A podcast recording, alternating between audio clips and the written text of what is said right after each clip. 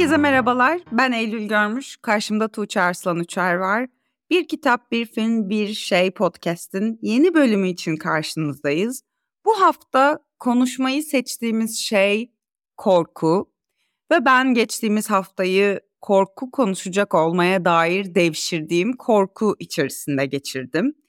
Bu konuyu ben önerdim açıkçası ve fakat sonrasında da nasıl konuşacağız bu kadar geniş ve kuşatıcı bir şeyi diye bir korku ya da kaygı mı demeliyim belki hissetmeye başladım. Belki bu ayrımı yaparak söze girmek gerekir ve fakat korku demişken korkaklık edeceğimi kabul ederek söze başlayayım. Bu bölümün açılışını yapması için sözü Tuğçe'ye devretmek istiyorum. Çünkü neresinden başlayacağımı ve nasıl tutacağımı açıkçası bilemiyorum. Tuğçe Hanım ne söylemek istersiniz korkuya dair? Korkularımızla ne kadar erken yüzleşirsek o kadar iyi hissederiz diye düşünmüşsünüzdür belki Eylül Hanım. Biraz pozitife çekeyim bizi bu başlangıcın üzerine. Tabii ilk önce ulu sözlüğümüz TDK'ya sorduk biz. Nedir bu korku diye? Üç farklı tanım yapmış TDK. Bir tehlike veya tehlike düşüncesi karşısında duyulan kaygı, üzüntü demiş. Onun da kafası karışık gördüğümüz gibi. Kötülük gelme ihtimali demiş ki bu ilginç. Sonra da demiş ki gerçek veya beklenen bir tehlike ile yoğun bir acı karşısında uyanan ve coşku, beniz sararması, ağız kuruması, solunum ve kalp atışı hızlanması gibi belirtileri olan ve daha karmaşık fizyolojik değişmelerle kendini gösteren duygu. Epey fiziksel bir tanımlamadan bahsetmiş burada ki korkuyu belki biraz bu taraftan ele alarak başlayabiliriz. Şimdi psikologlar bize diyorlar ki üç temel duygu var. Aslında bu değişiyor farklı farklı isimlere göre. Bazen dört diyorlar bazen yedi diyorlar ama genel olarak biz üç temel duygu olduğunu kabul ediyoruz. Korku, öfke, üzüntü. Hatta en temel duygumuzun korku olduğu söyleniyor. Çünkü bunun aslında fiziksel bir tarafı var. Amigdalada e, uyandığı için korku ve antropolojik olarak da böyle. Çünkü hayatta kalmamızı sağlayan duygumuz korku. Korku bizim hayatta kalmamızı sağlıyor ve burada da bir tehlikeden doğan bir şey aslında korku. Tehlike düşüncesi bizde bir reaksiyon uyandırıyor. Buna da korku diyoruz. Burada bir fikirden kaynaklandığında düşünebiliriz korkunun. Yılan örneğini verelim. Yılana eğer ya ne kadar tatlı, sevimli bir canlı dersek orada korku uyanmaz ama yılanın beni ısıracak gibi bir taraftan yaklaşırsak bir tehlike olarak algılarız ve orada korku uyanır gerçekten.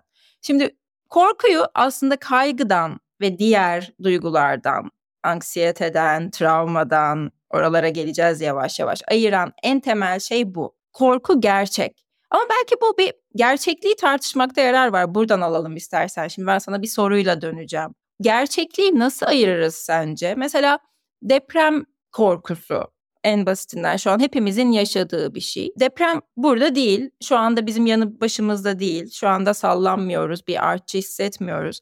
Ama İstanbul'da yaşayan insanların deprem korkusu oldukça gerçek geliyor bana.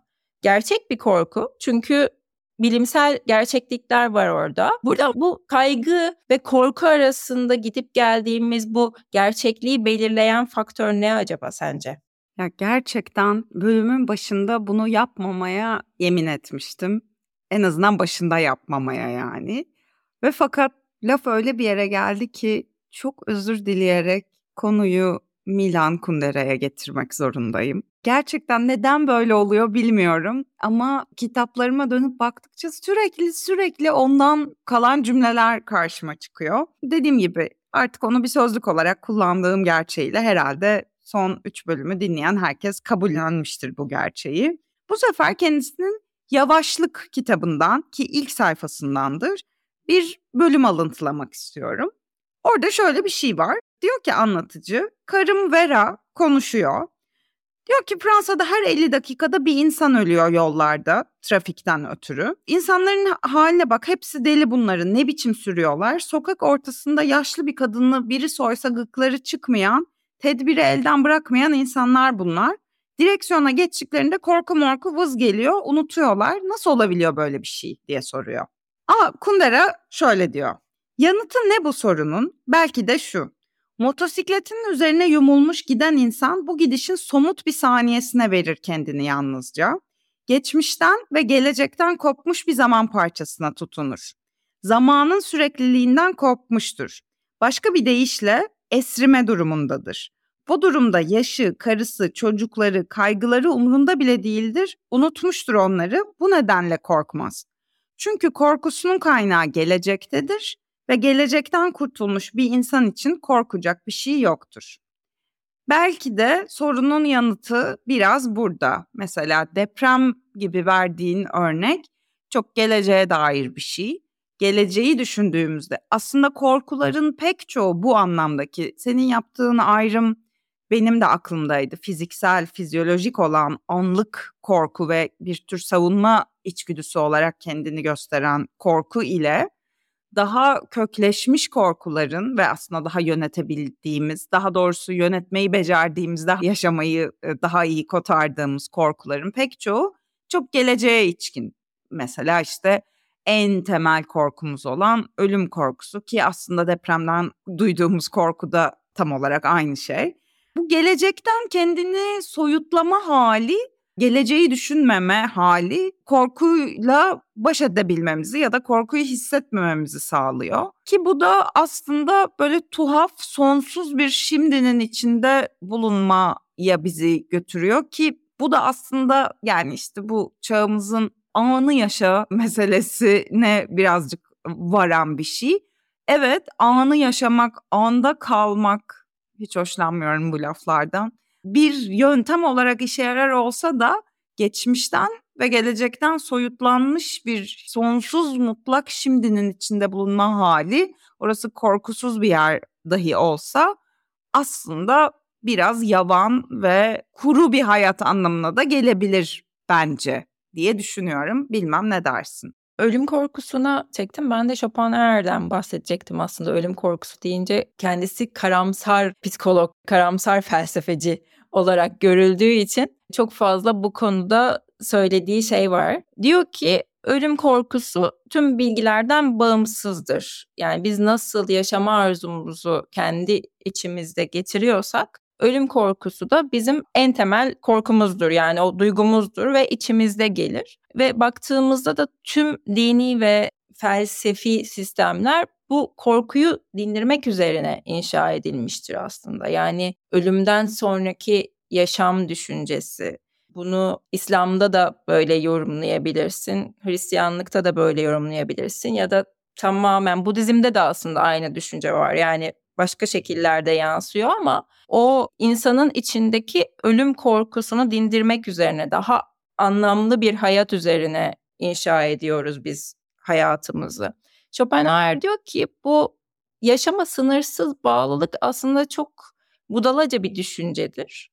Çünkü varoluşun tercih edilip edilmeyeceğini bilmiyorsun. Şüpheli bir şey. Hatta çok komik bir şey söylüyor. Mezarların üzerini tıklatıp ölülere tekrar dirilmek isteyip istemediklerini sorsaydık başlarını iki yana sallarlardı muhtemelen diye. Çünkü hayata dönmek o kadar da güzel bir şey olmayabilir.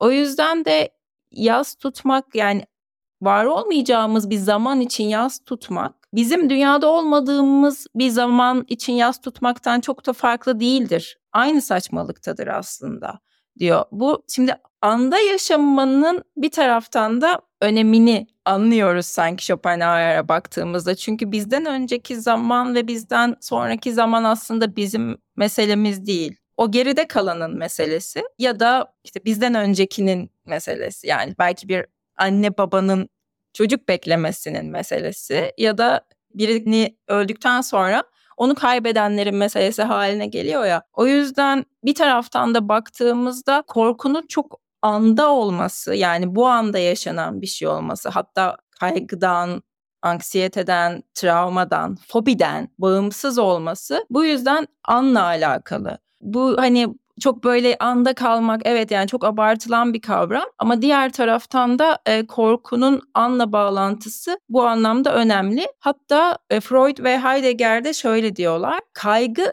bir bekleme ve katlanma durumudur. Çünkü Kaygıda geleceğe dair bir beklenti, iyi ya da kötü, genelde kötü tabii ki kaygı hissettiğimiz için ve şu andayken o geleceğe bir katlanma hissediyoruz diyor. Bu katlanma bence kaygıyı korkudan ayırmak için çok doğru bir tanımlama gibi geliyor bana. Çünkü kaygılarla yaşıyorsun ve o kaygılara rağmen aslında yaşamaya devam ediyorsun. Ne dersin? Şöyle, evet yani kaygıyı ayırmak için o katlanma bence de hiç düşünmemiştim bu açıdan. Enteresan bir ayrım. Aslında seni dinlerken şunu düşündüm. Şöyle bir kere dinlere referans verdin. Dinlerin yeryüzündeki en büyük düzenleyiciler olduğunu biliyoruz. Ve aslında sık sık düşünürüm. İşte din yüzünden insanların birbirini öldürmesi, çıkan savaşlar vesaire bir tarafa dinler olmasaydı çok daha büyük bir kaosun içinde de bulunabilirdik. Bu anlamda bir düzenleyici işlevi gördükleri kesin. Çünkü o belirsizliğe dair ve işte sonrasına dair bir şey söylüyor olması pek çok itkiyi durdurmamızı sağlıyor. Bu anlamda bu düzenleme işlevi aslında belki de şuradan da bakmak lazım. Mesela ölüm korkusu dediğimiz şey ne kadarı ölmekten korkmak ne kadarı geride kalmaktan korkmak. Aslında ikisi de ölüme dair korkular ama ayırdığında ikiye bölmek mümkün. Aslında pek çok insanın geride kalmaktan korktuğunu biliyoruz. Öbürü bir tür belirsizliğe dair duyulan bir endişe gibi. Çünkü işte az önce Schopenhauer referansı da verdin. Hani bu dünyada olmayacağımız bir zamana dair korku duymak aslında kendi içinde mantıksız. Çünkü yoksun ve neden korkacaksın o yokluğa dair? Ama geride kalma korkusu o çok ağır yaşanan bir şey. Sevdiklerini yitirme korkusu vesaire. Ve belki de o ölüm korkusu dediğimiz şey aslında tam aksine yaşama korkusu, yaşamda kalma korkusu. Yaşamanın kendisi zaten başlı başına korkutucu bir tarafı olan bir şey. Buradan aklıma şu cümle geldi. Her bölüm aynı yazarlara gidiyorum. Üç tane kitap seçmiş sürekli onlardan bulup çıkarıyormuş. Öyle değil. Roman Gary'nin Emil Ajar'ın Yine onca yoksulluk varkeninden şöyle bir cümle vardı. Şefkat bölümünde önerdiğim kitaplardan biriydi. Her zaman en güvenilir yandaşımız korkudur der. Onsuz başımıza neler geleceğini Allah bilir. Eski deneyime güvenin siz. Monsieur Hamil öylesine korkuyordu ki Mekke'ye bile gitti. Bu tam konuştuğumuz işte bir çocuğun ağzından korkuya bakma biçimi ve evet korkunun bir güvenilir yandaş olma durumu da var aslında. Dolayısıyla korkuyu böyle bir büyük canavar gibi değil de bizi yeryüzüne çeken ve ayaklarımızı yere bastıran ve bir şeyleri aslında yönetmemizi sağlayan bir tarafı olduğunu da belki de kabul etmek lazım. Dün şöyle bir şey not etmiştim. Bir görme biçimi aynı zamanda bir görmeme biçimidir. Bir hatırlama biçimi de aynı zamanda bir unutma biçimidir. Sen şimdi bu yaşamda kalma ile ilgili bunu söyleyince o geldi aklıma. Kesinlikle öyle. Zaten bizim vücudumuzda uyandırdığı şey kesinlikle bu bizi tetikte tutmakla ilgili bir şey. Bu korku anlatısı inşa etmek meselesine gelmek istiyorum biraz buradan bu öğrenilen korkudan sonradan öğrendiğimiz yani o biyolojik korkularımızın dışında sinemada tabii çok başvurulan bir şey korku anlatısı inşa etmek. Bu arada ben türün çok kötü bir izleyicisiyim. Onu hemen söyleyeyim en baştan. Korku filmi hiç izlemiyorum neredeyse. O yüzden bugün bahsedeceğim filmler de biraz böyle hani çok alışkın olduğumuz korku filmleri değil de daha belki distopya diyebileceğimiz ki distopyayı belki ayrıca uzun uzun konuşuruz. Bende korku uyandıran filmler. Burada korku anlatısı inşa etmek, o korkunun narratifini değiştirerek bir dünya yaratmak aslında söylediğimiz ki sinemada dediğim gibi çok başvurulan bir şey. Burada birkaç film geldi aklıma konuşurken onlardan bahsedelim biraz. Senin de söylediğin o dinlerin belirleyici olması bir taraftan da sinemada o korkunun inşa edilerek e, bir evren yaratılması anlamına geliyor. Night e, Shyamalan'ın Village Köy diye bir filmi vardı bu toplumların, e, devletlerin nasıl korku inşa ettiği ve bizi bir düzende tutmak için aslında bu korkuyu kullanması. Bunun için filme bakmaya gerek yok tabii. Her gün yaşadığımız bir şey bu. Burada da bir köyde ormanın içinde canavarlar var diyerek insanlar köyde bir iktidar kuruyorlar ve bu yüzden de kimse dışarı çıkmıyor. Yani o köydeki iktidarlarını devam edebilmek için buradaki canavar figürünü kullanıyorlar. Ve tabii ki oradaki varlıklarını o iktidar meşru kılıyor bu korku üzerinden. E, ve işte birileri çitin dışına çıkmayı göze alarak sonra aslında öyle bir şey olmadığı ortaya çıkıyor. Ama o çitin dışına çıkma cesaretini göstermek. Yani oraya ne zaman geleceksin, nasıl geleceksin, e, o korkularla nasıl yüzleşeceksin. Mesela Lantimos'un köpek dişi benim yine burada çok sevdiğim filmlerden biri ve o anlatı yani yarattığı distopya anlamında bence çok güçlü bir anlatı. Orada da yine ailenin babası böyle bir şey yaratıyor. Şöyle bir şey sen korkunun bu biçiminden bahsederken e, not aldıklarım arasında şu alıntı geldi aklıma. Çok iyi tanımladığını düşünüyorum. Eduardo Galeano'nun Aşkın ve Savaşın Gündüz ve Gecelerinden bir cümle bu. Peki ya görünmez kafesler? Korkunun tutsaklarından hangi resmi raporda ya da muhalefet bildirisinde bahsedilir? İşini kaybetme korkusu, iş bulamama korkusu, konuşma korkusu, dinlenme korkusu, okuma korkusu. Sessizlik ülkesinde sırf bakışlarındaki ışıltı yüzünden bir insan kendini toplama kampında bulabilir. Bu aslında bir ülke için bahsedilen bir şey sarf edilmiş bir cümle olmakla beraber pekala işte Lantimos'a geri dönersek bir ailenin içinde de çok mikro düzeyde bu tür korku mekanizmaları ortaya konabilir. Aslında bu söylediğin şey yani korkunun gündelik hayata ne kadar içkin bir şey olduğunu ve hayatın çok çok çok organik bir parçası olduğunu hatırlatıyor bana. Yani belki de korkuların en zoru korku korkusu gibi bir yere varıyorum. Yani aslında o korku fobisi ile barışmak lazım. Korkular vardır ve gün içinde çok sık farklı biçimlerde karşımıza çıkıyorlar ve bu bunu kabul etmek ve korkunun hayatın organik bir parçası olduğunu bilerek yaşamak lazım gibi bir yere varıyorum. Evet oradaki zaten o korkuyla nasıl baş ettiğin ya asıl durum. Yani nasıl baş ediyorsun ve hayatının nasıl bir parçası haline getiriyorsun. Şimdi buradan korkmak bana dışarıda zarar gelecek gibi bir korku seni dışarı çıkmaktan alıkoyuyorsa, bir sosyal fobiye dönüşüyorsa evet o çözümlenmesi gereken bir şey haline geliyor. Ama onun dışındaki korkular seni diri tutan şeyler gibi bakıyorum ben hep. E, Lantimos'ta da yine döneceğim köpek dişine. Yani burada mesela o aile dediğin ya mikro düzeyde gerçekten aslında ailenin içinde bu korkuları çok fazla görüyoruz ailenin inşasında. Çünkü o aileyi bir arada tutabilmek için hani sanki dışarıdaki insanlar bir şekilde bir hani tehlike var dışarıda ve biz bir arada durursak yani o bir aradalık fikrinden inşa edilen bir şey de ya aile biraz. Bir arada durursak sanki bunlara direnebiliriz. İşte ne olursa olsun biz bir aileyiz dediğimiz şey vardır. O yüzden o korkuları çok tetikleyen kaygıları belki burada biraz yine geçişken anlamında kullanabiliriz bunu. Korku ve kaygı arasında gidip gelebilir. Aile kavramı gerçekten bunu çok kullanan e, bir kurum. Burada bir korku filmi demişken bir küçük alıntı yapmak istiyorum. Alıntı da değil aslında bir araştırma. Korku filmi izlemeyi insanlar neden severler? Çünkü güzel bir şey değil baktığında niye korku filmi izlemekten hoşlanırız? İnsanlar şöyle düşünüyorlarmış genelde. E, o korku filminde izlerken o benim başıma gelmedi düşüncesi. Yani başka birilerinin başına geliyor aslında ve ben iyiyim. Bu en büyük motivasyon oluyormuş insanların korku filmini izlemesinde. E, ne dersin buna? İnsan ne kadar iğrenç derim. Ne diyebilirim?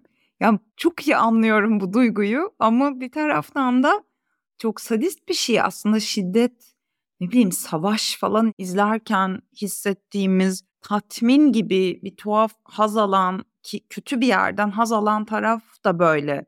Yani güvende olduğunu daha kötüsünü görerek hatırlama, farkına varma hali. Böyle bir ihtiyacımız olması çok çok acıklı. Tam olarak şu cümleyi aklıma getirdi. Carlos Fuentes'in dört bölüm oldu. Hiç Carlos Fuentes demedim. Bu rezilliği de böylece toparlamış olayım. Çünkü benim hayatta en sevdiğim yazarlardan biri. Şöyle diyordu Terra Nostra'da ki Terra Nostra bir alternatif dünya tarihi anlatısı ve tabii ki içinde çok fazla korku var. Korku yüzünden bölünmüş ama felaket alametleriyle çevrilirken hayatta kaldığı düşüncesiyle kendini güvende hisseden bir dünyadır bu. Tam olarak böyle tarif ettiğin şey. Korku filmleri izlemek de kendimizi güvende hissetmenin bir biçimi olarak beliriyor bu durumda ve bu insanlığa dair çok kötü bir şey söylüyor bence. Evet ama bizim de doğumuz bu Eylül. Ne Aa, yapalım? Böyle hayatta kalmak. Sen bugün neden böyle insan sevici bir tarafından acaba uyandın? Hiç de sevmem o yüzden. Şaşırtıcı. o yüzden şaşkınım zaten. Tekinsizliğe geçmek istiyorum buradan yavaş yavaş bu konuya eklemek istediğin bir şey yoksa. Şu var. Şimdi bu e, tekinsizliğe ha, gelmeden tekinsizlik görece belki daha seyreltilmiş bir hali diyelim korkunun. O yüzden oraya gelmeden önce sana bir soru sormak istiyorum. Hep sen bana sorular sorardın. Bugün de ben sana bir soru sormak istiyorum. En son ne zaman korku yüzünden kendini bir şeyi yapmaktan alıkoyduğunu hatırlıyor musun? Küçük ya da büyük olabilir ama korktun ve durdun. Ne zaman? Evet, çok güzel bir yere geldik. Şimdi belki şurada bunu söylemem bir yani itiraf olacak bu yayın için ama bu yayın buna alışkın. Şimdi ben hayatta ki en büyük korkumla yüzleştim. Yüzleşmek zorunda kaldım. Tabii buradan baktığımda şu anki bilgimle bunu biraz daha travma olarak yorumlayabilirim. Ama fiziksel bir şey hissediyordum bununla ilgili. Çok net, basit bir korkuydu benim için. Ve bu korkuyla yüzleşmek bir anlamda beni özgür kıldı. E, bu tabii ki hayatta korkularım yok demek değil. Bir anne olarak, Türkiye'de yaşayan bir kadın olarak e, bunu söylemek zaten mümkün Sen değil. her şeyden önce İnsanın bir annesin. doğasına aykırı. Evet evet geldik konu buraya. Mümkün değil ama tabii o çok büyük bir korkuyla yaşadığınız zaman hayatınızın bir döneminde, önemli bir döneminde o korkuyla yaşadığınız zaman ve o korku bir şekilde gerçek olunca geriye şöyle bir şey kalıyor. Yani artık olabilir yani bundan sonra da her şeyi yaşayabilirim. Tamam herhalde baş ederiz. Baş edemediğimiz noktada hayat gibi bir yerdeyim şu anda. Ee, o yüzden şimdi öyle bir korkuyla yüzleşmiş olmak beni birçok anlamda tırnak içinde alan açtı. Bu çok kötü bir şey. Ee, ama insanın hayatta devam edebilmesi için belki de gerekli, gerekiyor. O yüzden de ben böyle geçmişe döndüğümde, kendi içime döndüğümde birçok korkunun adını koydum hayatımda. Şu anda da böyle bir şey hissettiğimde çoğu zaman evet Tuğçe şu anda korkuyorsun ve bu buradan kaynaklanıyor ya da bir kaygı duyuyorsun ve o buradan kaynaklanıyor gibi bir şeyi hissediyorum. Soruma gelecek olursam çok yakın zamanda dünya ile ilgili tabii oldu. Yakınlarımızla ilgili daha fazla hissedebiliyoruz. Bir yani okul meselesi vardı. Onunla ilgili bir korku hissediyordum. Yani bir kaygıydı belki de o daha çok. Ne olacak, ne bitecek diye. Orada bir kendimi durdurduğumu hissettim. Ama dediğim gibi böyle büyük bir şey yaşıyor olmak bende birçok anahtarı açtığı için şimdi daha fazla görebiliyorum onu. Görebilecek seviyeye geldim. O yüzden de başa dönersek e, oradaki o tehlikenin farkında olmak ve belki de bir taraftan da şefkat bölümüne dönersek orada o güç göstermek yani onun ne neden kaynaklandığını görmek birçok anlamda özgürleştirici bir şey. Korkudan korkmamak senin söylediğin. E, o zaman aynı soruyu ben sana sorayım. Hep böyle oluyor çünkü. Sen ne zaman hissettin böyle bir şey? Yani çok benzer bir şey bende de var.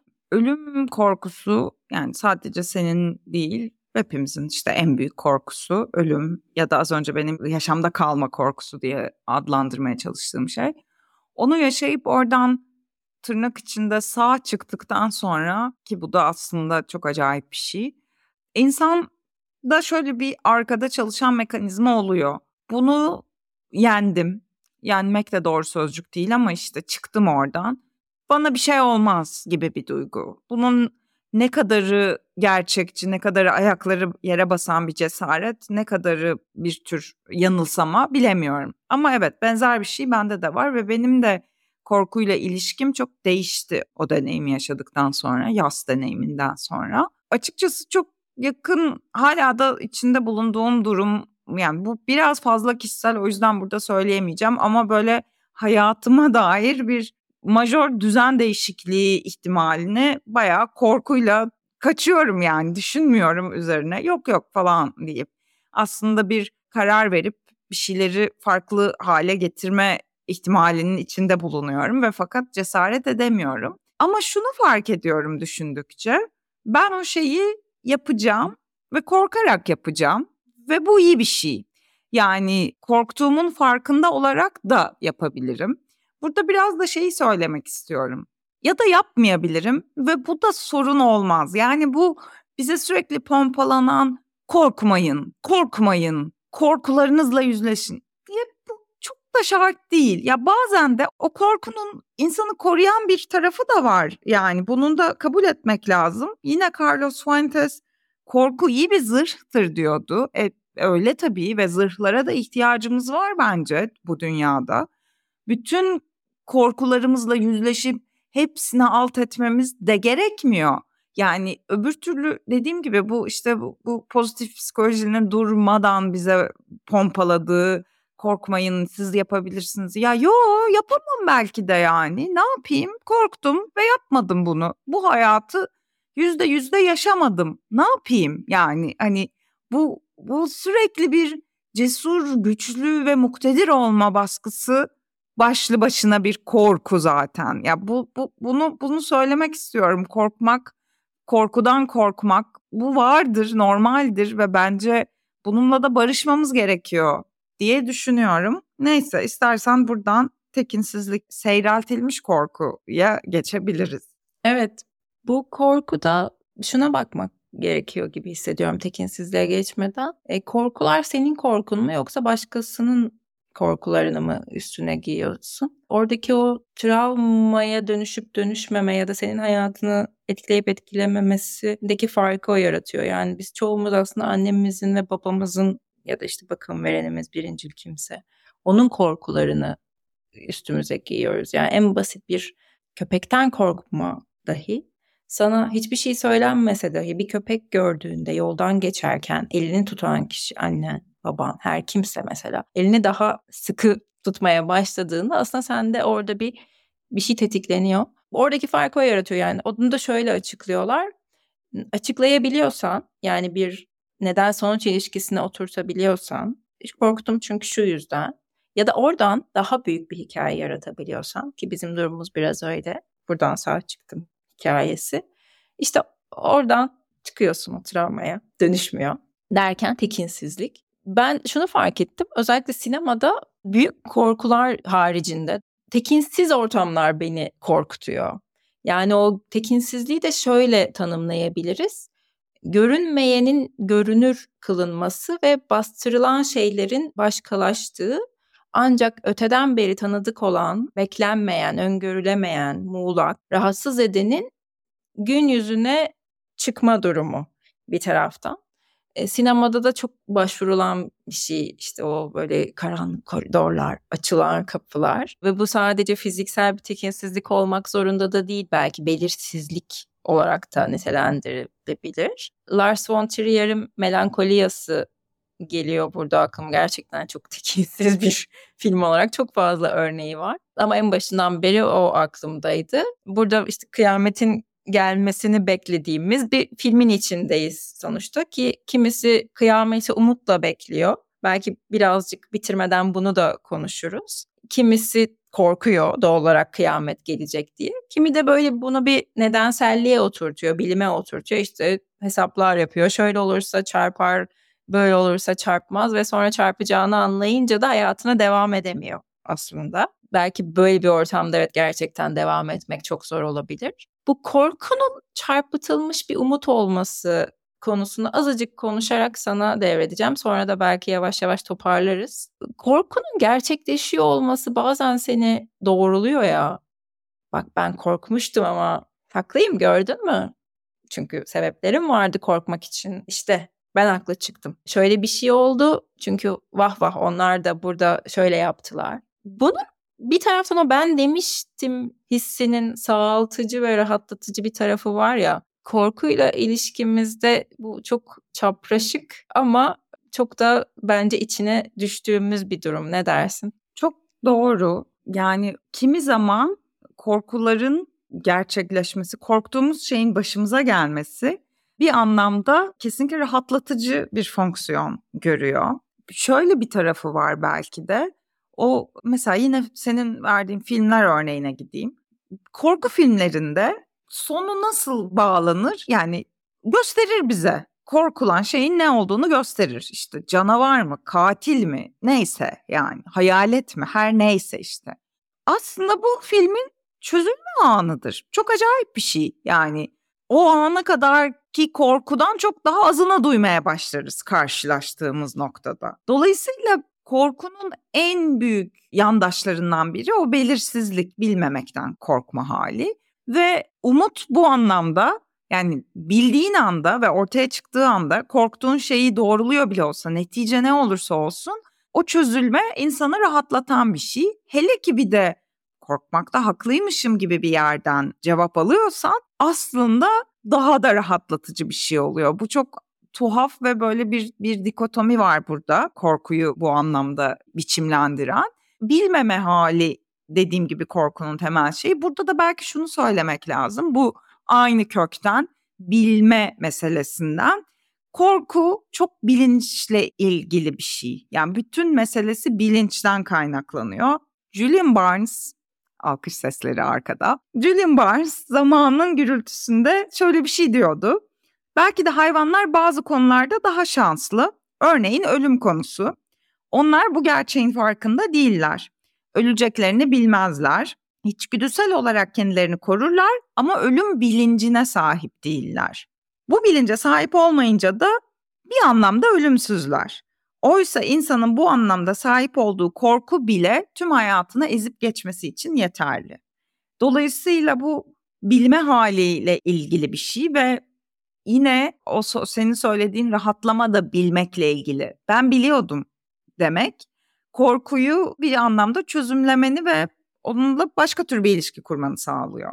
Evet buradan artık filmlere ve kitaplara geçmeden son bir şey söyleyeceğim. Gülten Akın'ın dizeleriyle bitirmek istiyorum. Kendisi diyor ki üşümekten değil korku, ısınır olmaktan. Oradaki o bilinç düzeyindeki öğrenilmiş korkunun ve o ben demiştim halinin yansıması gibi geliyor bana bu dizeler açıkçası. Ben de bir cümle söyleyeyim. E, bu korkunun tersten çalışmasına dair yine Romain Gary'nin Yalan romanında şöyle bir cümle vardı hiç unutmuyorum. İskemlelerden özellikle korkuyorum. Çünkü biçimleri bir insan yokluğunu çağrıştırıyor. Bu da burada dursun. Çok güzelmiş bu. Kullanırım ben bunu ortamlarda. Ortamlarda. Ortamlarda kullanılacak. Evet kullanabilirsin. O zaman tüm bu saydıkların arasında, ıı, saydıkların dışında bir başka eklemek istediğim film var mı? The Film. The Film bir korku filmi eklemek istiyorum yani tabii türün dediğim gibi ben çok iyi bir temsilcisi değilim. Bilenler zaten biliyor ama belki gözden kaçırmış olanlar için son yıllardaki bence iyi bir korku filmiydi. Get Out, Kapan, Jordan Peele'ın bir taraftan böyle bu hani xenofobiyi de konuşabileceğimiz ve böyle iyi bir tekinsizlik yaratıyordu bence o ve güzel bir sosyal fobiye yani bir sosyal meseleye de bağlanıyordu. Onu ekleyebilirim. Bir de notlarım arasında aslında Haneke'nin kaşesi vardı ama oraya gelmedik. Şöyle bir yerden gelecektim orada da. Orada böyle bir hayatının aslında yerle bir olacağı ile ilgili ya da hayatın etkilenebileceği ile ilgili iyi bir korku atmosferi yaratılıyordu bence filmde. Yani o işte kasetler gelmeye başlayınca o tekinsiz ortam nereden geliyor, ne oluyor, ne olacak, ne değişecek hayatımda o. Belki o değişim, değişim yani ne değişecek ve iyi olan bir şeyin kötüye gidecek olmasıyla ilgili. Ki zaten hani Haneke bence genel olarak iyi bir yerde duruyor yani onun sineması bu atmosferin yaratılmasıyla ilgili. Bir de onu ekleyeyim en sona. Ya bu xenofobi ben de not etmiştim. Bence biz bunu ayrıca belki bir bölümde konuşuruz. Çünkü hiç giremedik ve ya zaten korkuyu konuştuk. Sonra korkunun alt türlerine belki gireriz. Yani bağlanma korkusu mesela başlı başına bir bölüm olabilir. Keza xenofobi, yabancı korkusu da. Belki ilerleyen dönemde korkunun alt türlerini daha detaylı ve daha kişisel bir yerden de konuşabiliriz. Benim kitaplarım üç tane kitap söyleyeceğim. Birincisi ki bu pek çok insana ilginç gelebilir. Kafka'nın Milena'ya mektupları. Bu kitabı herkes bir ay ne aşk falan diye okuyor. Ben de buna aşırı öfkeleniyorum. Çünkü bence bu bir aşk anlatısı değil. Benim bu kitapta en büyük karşıma çıkan şey korkuydu. Kafka büyük bir çıplaklıkla korkularını ortaya döküyor ve korkuya dair çok fazla şey var. Bu kitabı bir korkuya dair bir metin olarak okursanız çok başka şeyler göreceğinizi düşünüyorum. Mesela şu alıntıyı okuyayım. Mektupların arasında en güzelleri korkumu haklı bulduğum ve bu korkuyu yaşamam gerekmediğini açıklamaya çalıştıklarındır. Çünkü her ne kadar kimi zaman korkumu savunmak üzere rüşvetle tutulmuş biri gibi görünsem de belki ruhumun derinliklerinde hak veriyorum korkuma. Hatta korku sayesinde yaşamımı sürdürüyorum Belki de korku elimdeki en iyi şeydir. Senin de belki bende yalnızca korkumu sevmen, onun elimdeki en iyi şey olmasından kaynaklanıyor. Öyle ya, bende sevilmeye değer hatırı sayılır ne var başka? Ama işte korkum hak ediyor sevilmeyi. Bunun çok temel bir pasaj olduğunu düşünüyorum ve bence Milena Mektuplar insanın korkuya dair okuyabileceği en iyi kitaplardan biri. Bir diğeri William Barnes'ın adı üstünde korkulacak bir şey yok kitabı. Ölüm korkusuna dair bir metin bu. Denemeler. Ama işte zaten dediğim gibi adında da geçiyor ve bence korkuyu nasıl işlevselleştirebileceğine ya da onunla barışabileceğine dair çok fazla şey var içinde. Son olarak da tekinsizlik dedin sen. Bir de tekinsizlik örneği kitap söyleyeyim. O da Samantha Schweble'nin Arjantinli yazar Kurtarma Mesafesi kitabı. Orada da aslında bir korku çocuğunu yitirme korkusu üzerinden ama çok tekinsiz ve böyle gerçekten insanın okurken ışıkları yakma ihtiyacı duyacağı türde bir korku anlatıyor, bir ortam kuruyor. Benim de kitaplarım böyle. Var mı eklemek istediğiniz bir şey? Yok efendim. Ama benim var. Sizin yok mu diye sorarsınız diye ummuştum. Sormadınız. Ben kendi kendime çalıp oynayayım o halde. Şu her hafta aynı şeyi söyleyip duruyorum ama söylemeden edemeyeceğim. Çok güzel kucaklanmakta bu sezon ve format. Geçtiğimiz hafta gelen mesajlardan birinde sizin kişisel sözlüklerinizi dinlemeye bayıldım diye bir cümle vardı. Acayip hoşumuza gitti ikimizin de.